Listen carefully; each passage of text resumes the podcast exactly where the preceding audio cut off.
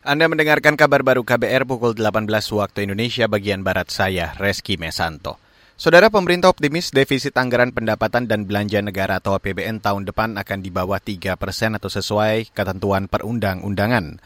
Optimisme itu disampaikan Menteri Keuangan Sri Mulyani Indrawati usai penyerahan daftar isian pelaksanaan anggaran DIPA dan daftar alokasi transfer daerah tahun anggaran 2023 hari ini. Defisit APBN tahun 2023 makin mengecil yaitu sebesar 598,2 atau 2,84 persen. Ini secara konsisten melaksanakan Perpu 1 2020 atau Undang-Undang 2 2020 yaitu konsolidasi fiskal di mana pada tahun 2023 defisit harus dijaga di bawah 3 persen dari GDP. Menteri Keuangan Sri Mulyani menjelaskan pendapatan negara pada tahun depan ditargetkan mencapai lebih dari 2,4 kuadriliun rupiah atau 2.460-an triliun. Sementara belanja negara tahun depan mencapai lebih dari 3 kuadriliun. Belanja terdiri dari belanja pemerintah pusat 2,2 kuadriliun dan 800-an triliun transfer ke daerah.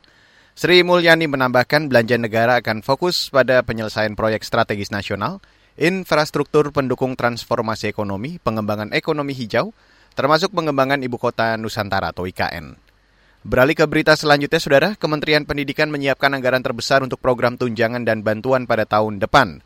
Menteri Pendidikan Nadiem Makarim menyebut total tunjangan dan bantuan mencapai 38 triliun rupiah dari total anggaran di lembaga itu yang mencapai 80 triliun rupiah lebih sebesar 38,17 triliun. Ini adalah berbagai macam uh, tunjangan dan bantuan kita untuk memastikan akses pendidikan seperti PIP, KIP, uh, tunjangan guru, tunjangan dosen, dan lain-lain.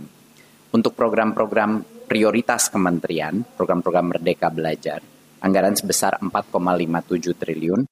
Menteri Pendidikan Nadiem Makarim juga tetap akan menjalankan program prioritas seperti kurikulum Merdeka lanjutan, dan pelaksanaan asesmen nasional guru penggerak, pendampingan sekolah penggerak hingga program literasi.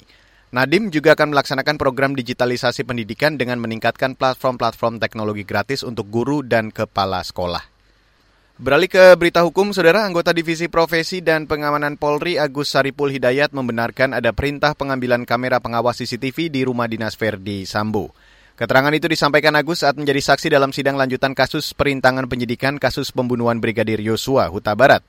Menurut Agus Saripul Hidayat, perintah pengambilan CCTV dilakukan pejabat di Div Propam Polri Agus Nur Patria kepada Irfan Widianto. Saksi ini berdasarkan aturan karena yang ada. Karena aturan yang ada itu ada hal yang mengaturnya.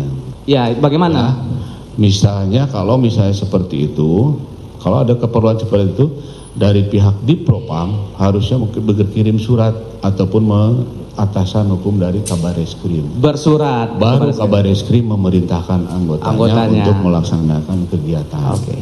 Itu yang itu yang seharusnya berdasarkan ya, SHCT tadi. Berdasarkan okay. seperti itu yang saya tahu. Okay. Ya. Dalam sidang hari ini, Jaksa Penuntut Umum menghadirkan sejumlah saksi dari Polri, termasuk saksi ahli dari Puslapor. Agus Nur Patria yang berpangkat Komisaris Besar Polisi menjadi satu dari tujuh terdakwa di kasus merintangi penyidikan pembunuhan Brigadir Yosua.